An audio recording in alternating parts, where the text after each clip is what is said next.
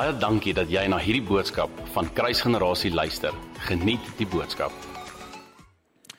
Hierdie is 'n kultuur waar ons hou daar, daarvan hou om notas te neem. So maak seker jou Bybel is oop en maak seker jou notaboek is oop, want dit is ongelooflik belangrik vir jou om notas te neem sodat jy weer kan teruggaan.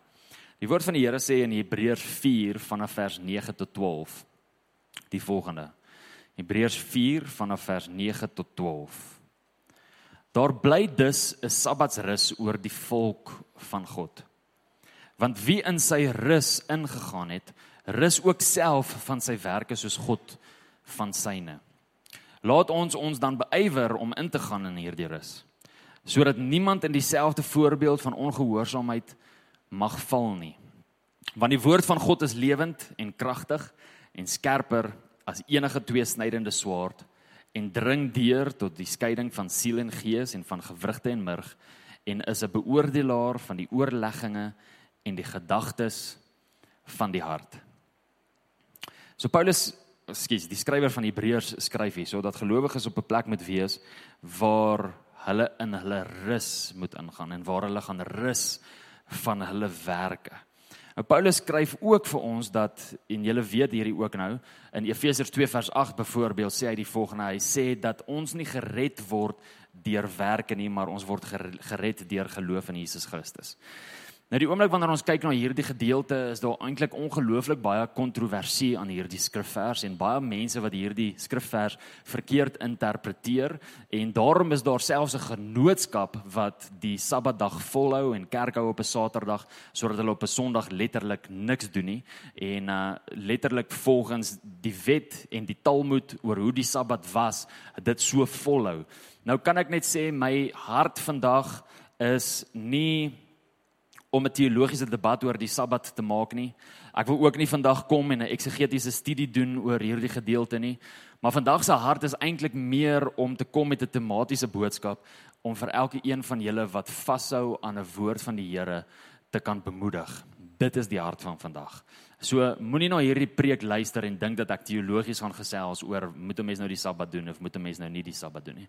Die belangrikste ding wat 'n mens moet onthou is die volgende: dat die woord van God die oomblik wanneer 'n mens besig is om die woord van God te vat en 'n teologiese stelling te maak, moet 'n mens dit neem en in konteks lees. Dit is onmoontlik om 'n teologiese stelling te maak as jy nie 'n gedeelte in konteks lees nie. En daar moet altyd 'n skrifgedeelte in 'n ander gedeelte van die woord wees wat daai teologiese stelling beamoen. As daar nie is nie, het jy rede om daai teologiese stelling te betwyfel.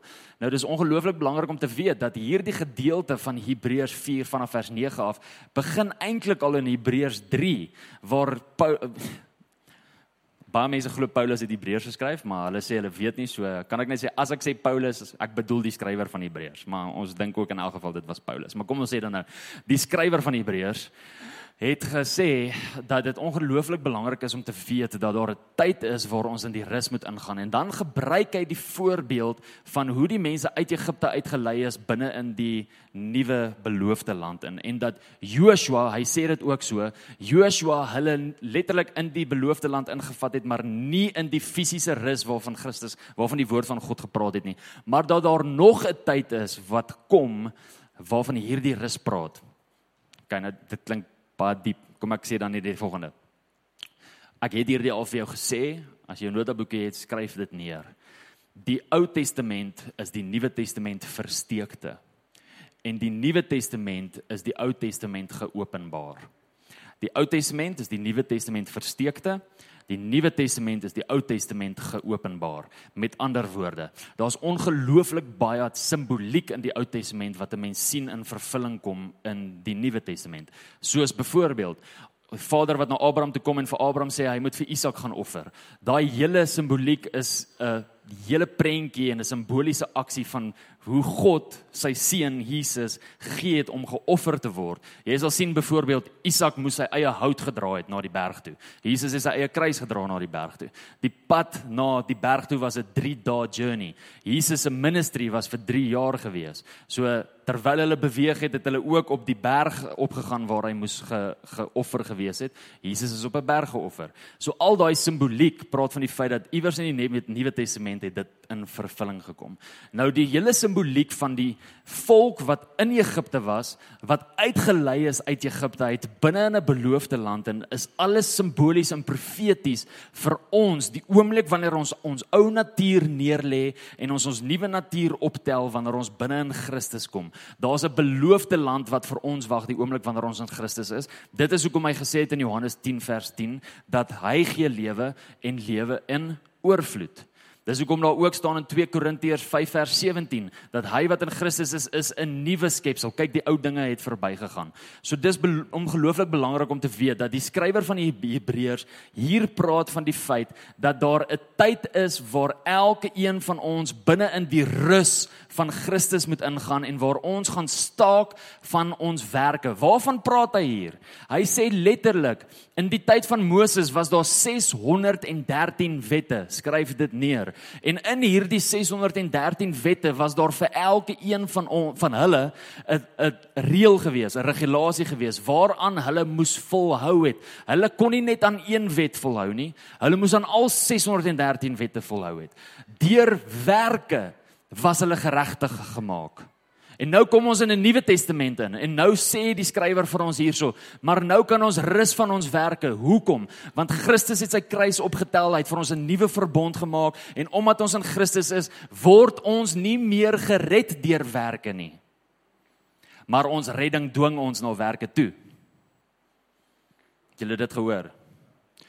Ons word nie meer gered deur werke nie, maar ons redding dwing ons na werke toe. Jakobus kom en hy skryf in Jakobus 2 vers het ek net gekyk 17. Jakobus 2 vers 17 en hy sê die volgende: Net so is ook die geloof as dit geen werke het nie in sigself dood. Met ander woorde, die oomblik wanneer die skrywer hierso praat en sê dat ons moet rus van ons werke, praat hy nie van die feit dat nie een van ons moet werk nie. Praat hy nie van die feit dat nie een van ons op 'n plek moet wees waar ons nie meer 'n verantwoordelikheid het nie. Praat hy van die feit dat as ons geregtigheid soek, daar letterlik niks is wat ons kan doen om geregtigheid te kry nie. Ons geregtigheid vind ons binne in Jesus Christus. En wie van julle weet dat dit wat Jesus gedoen het op die kruis, hy het die woorde self gesê, dit is volbring. Daar is niks wat jy by die kruis kan toevoeg wat enige waarde by jou gaan bring nie. Niks. Maar godsdienstigheid gaan maak dat jy dit graag wil doen. OK, dit was 'n mond vol. Maar vandag se boodskap is vir die persoon wat moeg is om vas te hou. Vandag se boodskap is vir die persoon wat moeg is om te wag. En dalk selfs raad op is. Want dit jy het nou al alles in jou eie vermoë probeer, maar daar het net niks gebeur nie. Jy het nou al gevas. Jy het nou al die woord geproklaameer. Jy het nou al afgesonder. Jy het nou al bely sondes wat jy nie eers geweet het jy het nie. Jy het nou al nagmaal gedoen so gedurig soos wat jy kan en steeds het daar nog niks deurbraak gekom nie. Vandag is hierdie boodskap vir jou. En hierdie boodskap kan ek met vrymoedigheid bring vandag want ek en my vrou is in so 'n situasie. OK. En dalk nou nou as gees die gees het so lei sal ek vir julle so klein bietjie meer vertel daarvan. Maar daar is iets wat gebeur, familie. Daar's iets wat gebeur wanneer ons in Christus se rus is. So waarvan die skrywer hier in Hebreërs ook praat is die volgende. Daar's 'n rus wanneer dit kom by ons en ons binne in die beloftes van God is, is daar veronderstel om 'n rustydperk te wees. Nou wie van julle weet dat die oomblik wanneer die woord van die Here of 'n belofte oor ons kom, ons het dit nou al so baie verduidelik, is daar teenkanting, is daar storms wat kom, is daar 'n ander realiteit wat opstaan, maar dan is daar 'n tyd wat ons in in daai tye hard moet werk hart moet bid, op die Here se woord staan. Jesaja 62 vers 6 sê: Herinner die Here aan sy beloftes. Dis so belangrik om seker te maak dat ons aan hierdie kant bid en saam staan met dit wat hy sê en saam staan oor die woord wat hy vir ons gee. Maar dan kom daar 'n tyd wanneer jy nou klaar gebid het, wanneer jy nou klaar gevas het, wanneer jy nou klaar nagmaal geneem het, wanneer jy nou klaar bely het, wanneer jy letterlik niks uit jouself uit meer kan doen nie. Bill Johnson sê die volgende, hy sê consider it a gift when God is your only option. En die oomblik wanneer jy op daai plek is, is dit so belangrik vir jou om agter te kom dat jy sal rus in die wete dat God nou die res sal doen. Maar jy verstaan nou waarvan ek hier praat, nê, nee, dat daar 'n verantwoordelikheid is by ons eerstens. En as gevolg van hierdie verantwoordelikheid dat ons doen wat ons moet doen. Maar wanneer ons klaar gedoen het, moet God doen. En dan moet ons in 'n rus wees, nie in 'n tyd van onsekerheid nie, nie in 'n tyd wat daar 'n storm is binne in ons harte nie, nie in 'n tyd van twyfel nie, want glo my, die oomblik wanneer jy nou alles gedoen het wat jy kan gedoen het en daar kom nog steeds nie deurbraak nie, dan begin jy twyfel.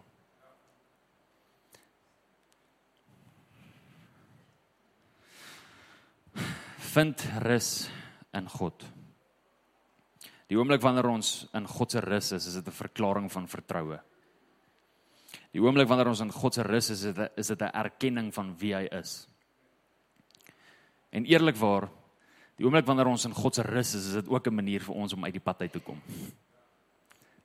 Want baie keer is ons in die pad van hom om iets te wil doen en iets groots te wil doen. Kom ek deel gou met jou die volgende. In Genesis 2 vers 20 tot 21 22 22 Genesis 2 vanaf vers 20, maar ek lees so van die B gedeelte af. Maar vir die mens het hy geen hulp gevind wat by hom pas nie. En toe het die Here God 'n diepe slaap, sê saam met my diepe slaap.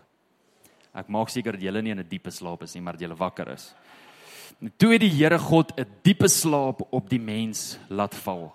En terwyl hy slaap, wens jy kan dit omkring in jou Bybel terwyl hy slaap het hy een van sy ribbebene geneem en die plek daarvan met vlees toegemaak en die Here God bou die rib wat hy van die mens geneem het tot 'n vrou en bring haar na die mens. Nou hoor gou hier familie.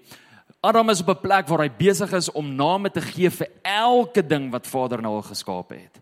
En nadat hy vir alles name gegee het, sê die Here dat daar daar is nie 'n goeie helper vir Adam nie. En die Here kom en hy bring vir Adam die beste geskenk wat Adam ooit kon kry. Sy vrou. Die mans moet ophou doodspreek oor hulle huwelike en hulle vrouens wanneer hulle soms met hulle pelle is en grappies maak oor hulle huwelik en grappies maak oor hulle vrouens en grappies maak oor, "Ag, oh, jy weet ja nee, daai daai ding." Nee, ek weet nie of ek haar regtig iets moet vra nie. Of ek weet nie regtig of ons op dieselfde bladsy is nie. Hou op doodspreek oor jou huwelik, hou op doodspreek oor jou vrou. Die belangrikste besitting wat ek het vandag is my vrou. My kosbaarste besitting. Sy is nie met my enigste nie, sy is my al. En hier kom God en hy gee vir Adam hierdie amazing blessing. En raai wat? Adam het nie gesê gehad nie.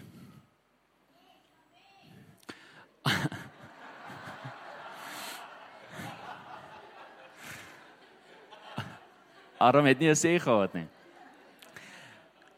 En terwyl Adam op 'n plek is waar hy slaap, kom die Here en gee vir hom die grootste deurbraak wat hy nog ooit in sy lewe gekry het.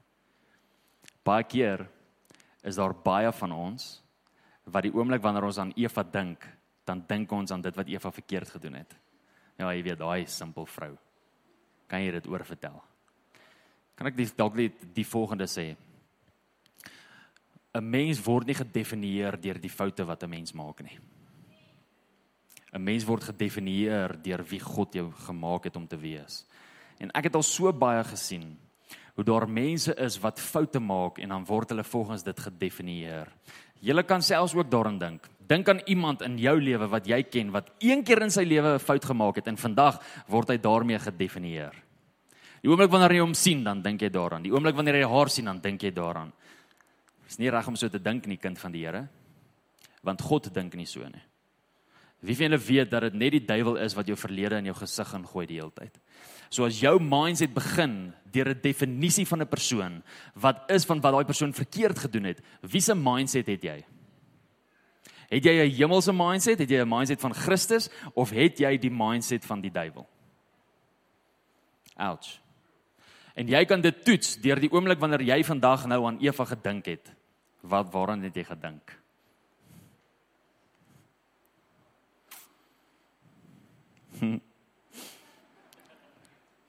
Blaai sommer met my na Genesis 15 toe. Wil julle iets wys? In Genesis 15 gebeur daar iets amazings. Die Here kom na Abraham toe voordat dit Abraham was, toe dit nog Abraham was. Kom hy na Abraham toe en hy sê vir Abraham ek gaan van jou 'n groot nageslag maak. Ek gaan jou seën.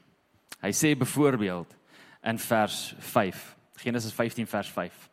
Genesis is die heel eerste boek in die Bybel as jy nog nie daar is nie. Genesis 15 vers 5.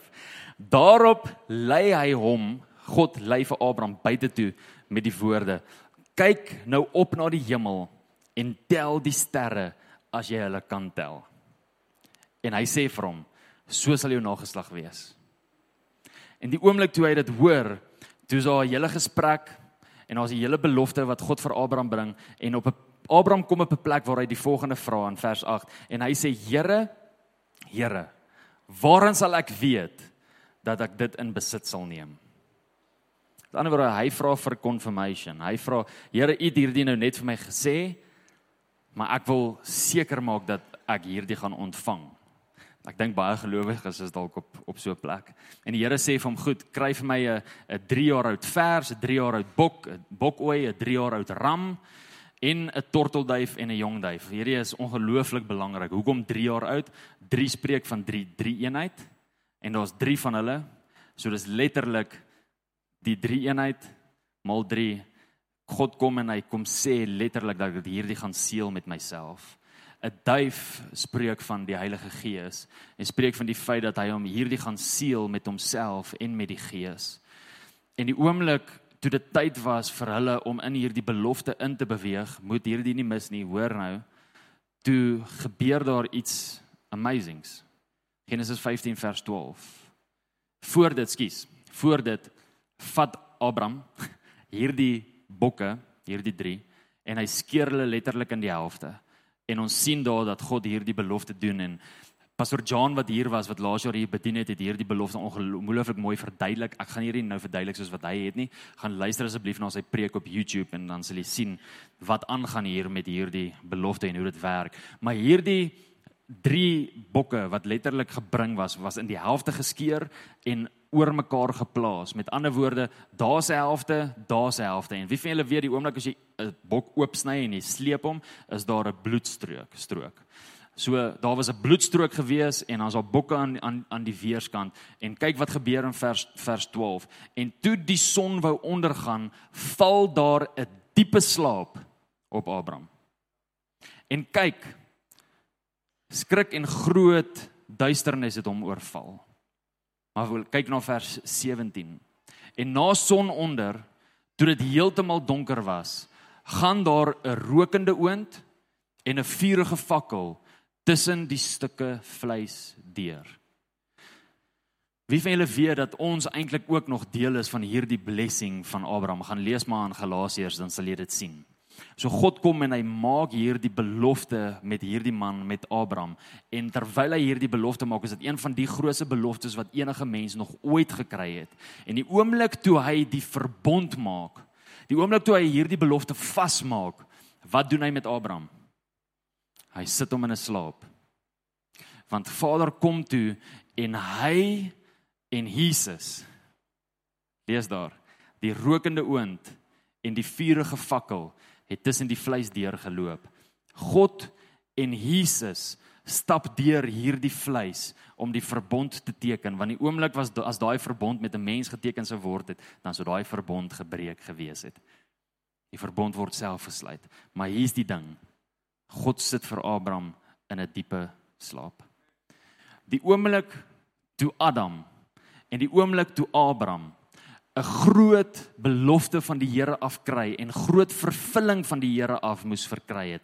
Toe was hulle op 'n plek gewees van rus. En die Here roep ons vandag die wat nou al so lank vashou aan 'n belofte, wat nou al so lank vashou aan dit wat God gesê het en jy het letterlik nou al alles gedoen van jou kant af en daar's letterlik niks weer met jy meer wat jy kan doen nie behalwe om letterlik oor te kan gee aan God, roep hy binne-in sy rus in. Om te kan verklaar, Here, ons weet ons het gedoen wat ons moes doen. Want sonder werke is die geloof dood. Maar ons kan letterlik niks meer doen, Here. Dis nou oor aan U. En in plaas daarvan om die heeltyd te stres of is God nou vir my en of die heeltyd te stres of gaan die Here nou vir my die deurbraak bring, gaan die Here nou vir my hierdie antwoord gee, in plaas daarvan om op so 'n plek te wees, stap 'n mens eerder in 'n plek in soos Adam en soos Abraham binne rus in om te kan verklaar, Here, ek weet you've always been faithful. En die oomblik wanneer u iets gespreek het, dan sal dit gebeur. En ek rus vandag in dit wat u gespreek het. Ek het gedoen wat ek kan doen. Maar ek rus vandag in die feit dat u sal kom en dat u die deurbraak sal bring. Blaai saam met my na Markus toe. As julle nog met my. In Markus 4 vanaf vers 35 sien ons 'n gedeelte. Laasweek het ons gesels oor 'n gedeelte waar daar 'n bootjie betrokke was en waar daar twee manne betrokke was wat op hierdie water gestap het. Hierdie week gesels ons weer oor 'n bootjie en water en golwe. Storms. Wat oorweldigend is. Vers 35. En toe dit aand geword het, Dis interessant dat die Here elke keer vir hulle, die vorige keer ook, toe dit aand word vir hulle sê klim nou in die boot en gaan na die ander kant toe. Die Here toets hulle ongelooflik baie. En het jy al gesien in jou eie lewe lewe ook die oomblik wanneer God iets groots van jou verwag, dan toets hy jou altyd. Dis nooit sommer net maklik nie. Dis altyd 'n toets van geloof, daar's altyd 'n toets van vertroue. Hm.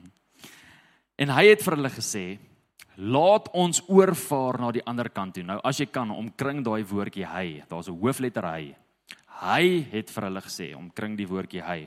Laat ons oorvaar na die ander kant toe. Wie is die hy daar? Jesus. Jesus sê vir hulle, laat ons oorvaar na die ander kant toe. Goed, hulle almal klim toe nou in die bootjie en hulle gaan toe nou daaraan en daar was ander skuitjies wat saam met hulle daar was en vers 37 sê en 'n groot stormwind het opgekom. En die golwe het in die skuit ingeslaan sodat dit al vol wou word.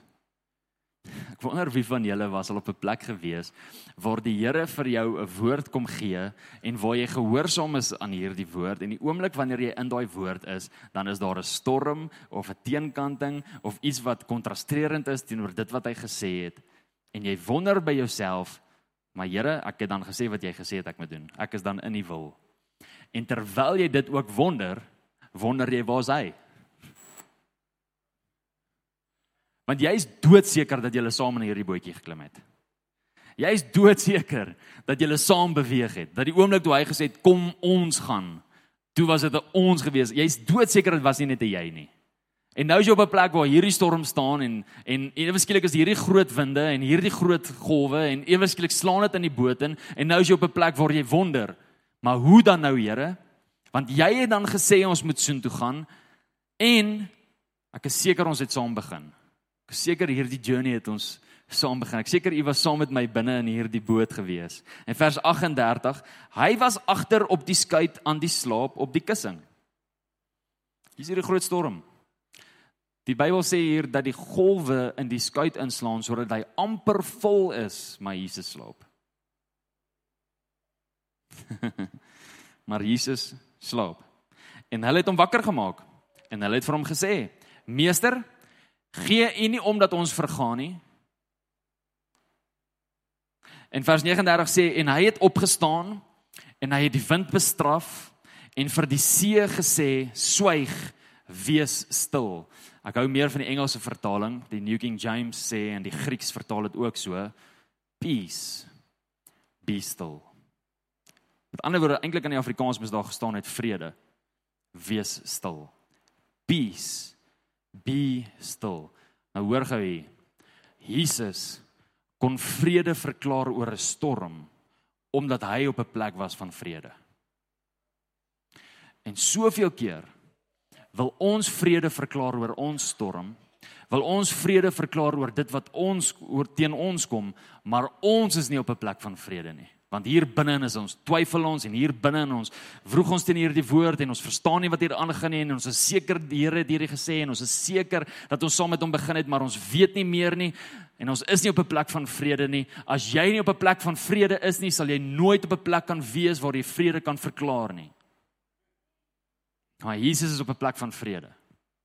Hy slaap in hierdie storm.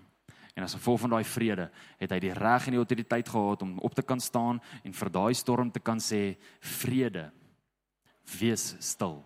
En die oomblik toe hy dit gesê het, kyk wat gebeur. En die wind het gaan lê. En daar het 'n groot stilte gekom. En toe sê hy vir hulle: "Hoekom is julle so bang?" ek lag want ek dink Jesus lag baie keer vir my. Want ek is baie keer op 'n plek as ek, ek, met julle kan eerlik wees, is ek baie keer op 'n plek waar ek want ek's 'n impulsiewe persoon. So die oomblik as God vir my sê dit is die woord dan gou ek, dan gaan ek. En as ek weer sien dan's daar storms en daar's wind en dan wonder ek nou wat nou? Wat nou Here? Jy dan so gesê. En, en dan sien ek al hoe Jesus na my toe kom en vir my sê Jan, hoekom is jy so bang? Gaan met jou. Jou pa het nie 'n bang Jan groot gemaak nie. Nee, pa. Wat nou? Ek is mos nie bang nie. Die mense het altyd gesê liewers bang Jan as dooi Jan. Ek het gesê nooit, ek is nie bang Jan nie. So ietsie. Daar's nie so ietsie. Baie keer moet ons op 'n plek wees waar ons net soveel vrede kan kry aan dit wat God gesê het. En kan ek jou dalk net die volgende vra? Hoe lyk jou vrede? Is jy op 'n plek van rus oor dit wat God gespreek het oor jou? Kan jy met sekerheid verklaar vandag binne in jou hart met sekerheid verklaar dat jy weet God is in beheer. En jy weet dit sal uitwerk. Dit sal gebeur soos wat dit moet gebeur. Nie sê la sê la nie. Nie what will be will be nie. Nee nee nee. Wat in God se wil is sal gebeur. My liefie, sal jy my kom help asseblief? Daar's nog een gedeelte dit wat nie deel was van my van my notas nie wat ek graag ook met julle deel. Kan ek maar? Voel dit so in my hart. Blaai asseblief na Romeine 4 toe.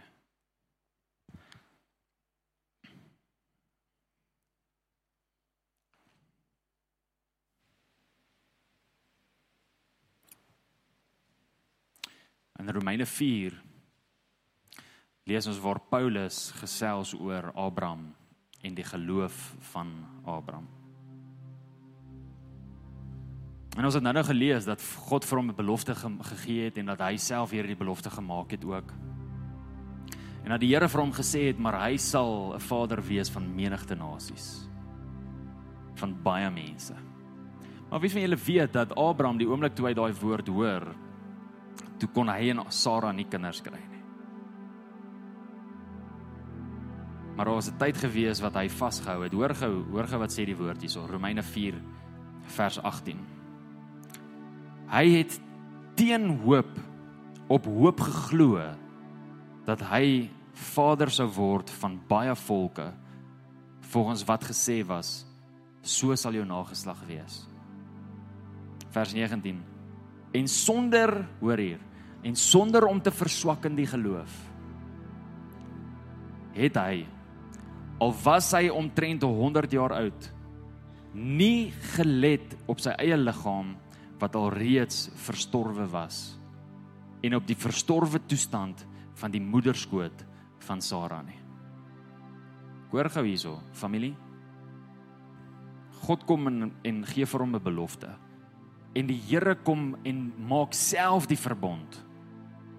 En hy was op 'n plek gewees waar selfs na dit daar niks gebeur het nie. En ons weet hy het op 'n stadium sy eie pro ding probeer, sy eie sy eie oplossing en Ismael was gebore.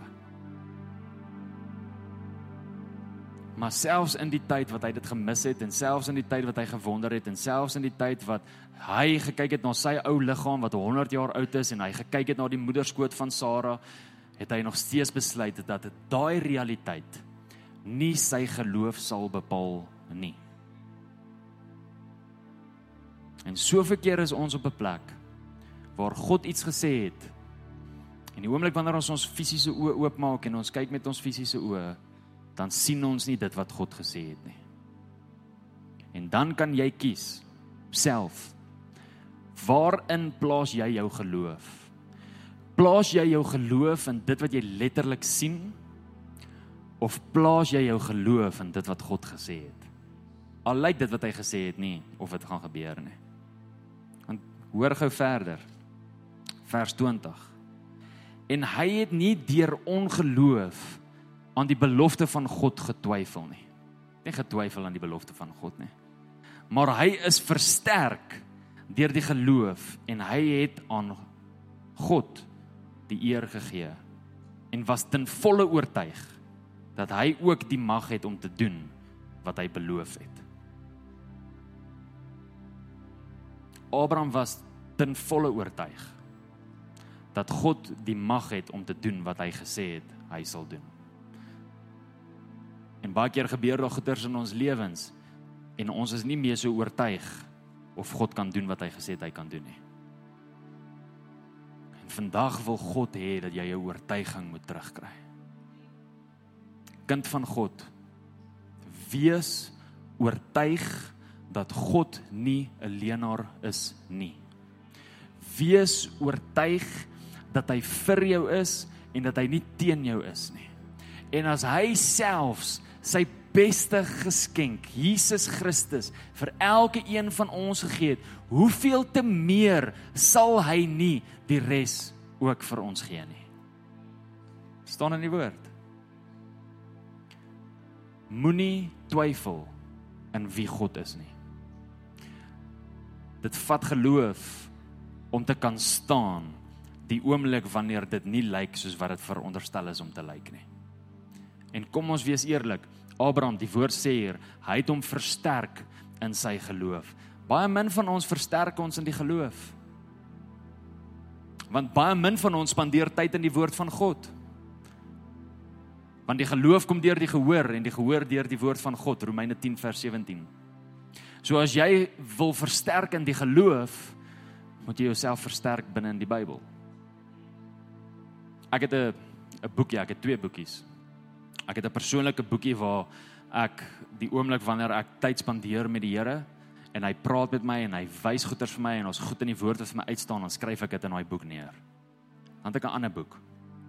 En daai boek is vol profetiese woord van dit wat mense profeties al oor my gespreek het. En ek as mens, ek as Jan het nodig om elke maand te gaan kyk wat spreek God oor my. Want ek versterk my geloof. Want wie van julle weet partykeer is daar dinge teen my en my vrou ook.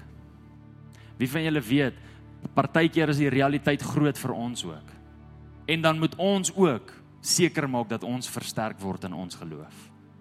En die enigste manier vir ons om dit te kan doen is om letterlik terug te kan gaan en onsself te herinner aan dit wat God gesê het, want ek bemoedig myself in hierdie, ek bemoedig myself in die standvastigheid van God. Ek bemoedig myself in die feit dat hy nie sal verander nie en dat hy nooit sal jok nie en as my God, my Vader wat my liefhet en klaar alles vir my gegee het, as hy iets oor my gesê het, sal dit gebeur.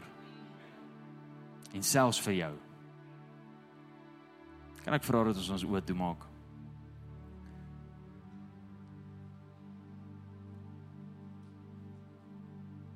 Terwyl ons gepraat het vandag, het Heilige Gees met jou gepraat. En ek wil nie hê jy moet oortuig wees deur die woorde van 'n mens nie. Maar word oortuig deur die woorde van Heilige Gees. Hier's mense in die plek wat hulle rus verloor het. Hier's mense op ons livestream wat hulle rus verloor het. Wat hulle vrede verloor het.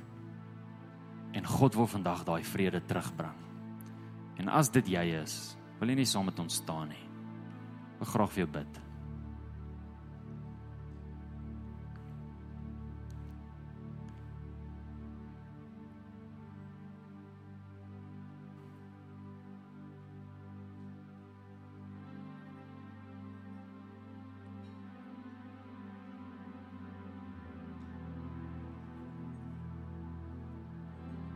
Word vandag bemoedig deur die woord van die Here en word vandag versterk in jou geloof. Want die oomblik wanneer God vir jou iets gesê het, dan sal dit so gebeur. En mag elke een van julle in 'n tyd ingaan van rus nadat jy alles gedoen het wat jy kon doen, nadat jy gebid het, nadat jy gevas het, nadat jy selfs nagmaal geneem het en selfs belydenis gedoen het want daar's 'n plek vir dit. Dat jy op 'n plek sal wees waar jy sal begin rus en vrede vind binne in die hart van die Vader om te weet dat die oomblik wanneer God iets gesê het, sal dit so wees. En Here, U sien vandag hierdie harte. En Here, U sien selfs vandag al hierdie trane. U sien die gebrokenheid. U sien hoe daar mense is wat so lank en al vashou. Daar gebeur net niks nie. En die, vandag wanneer U dit sien, Here, weet ons dat U hart vir hulle is en dat U hart nie teen hulle is nie. So Here, U woord sê dat ons U moet herinner aan U beloftes. En ek kom vandag as intercessor vir elke persoon wat staan. Vader, ek herinner U aan dit wat U oor elkeen spreek. Ek herinner U, Here, aan U hart vir hulle. Ek herinner U, Here, aan die feit dat U vir hulle is. En daar is mense is wat moeg is. En daar is mense is wat sê hulle kan nie meer nie. U Vader hart, Here, is so honger om elke persoon vandag in hierdie plek te bemoedig. En hierdie is wat ek bid, Heilige Gees. Kom en bemoedig die harte vandag kom en tel die gemoedere op. Ek kom vandag teen 'n gees van depressie in die naam van Jesus en ons verklaar die vreugde van die Here oor elke persoon in hierdie plek. Here vergewe ons as ons ons eie Ismaels wil maak en ons eie planne wil maak. Ons eie deurbraak wil forceer. Help ons om U te vertrou. Help ons om op u woord te staan, Here. Help ons om nie moeg te word nie. Kom versterk ons geloof. En mag ons ook, soos wat Abraham gesê het, mag ons dieselfde sê, Here. Mag ons weet dat hy wat die belofte gegee het, is getrou om te doen wat hy gesê het hy sal doen. Ons roep U in herinnering in vandag, Here in Jesus naam.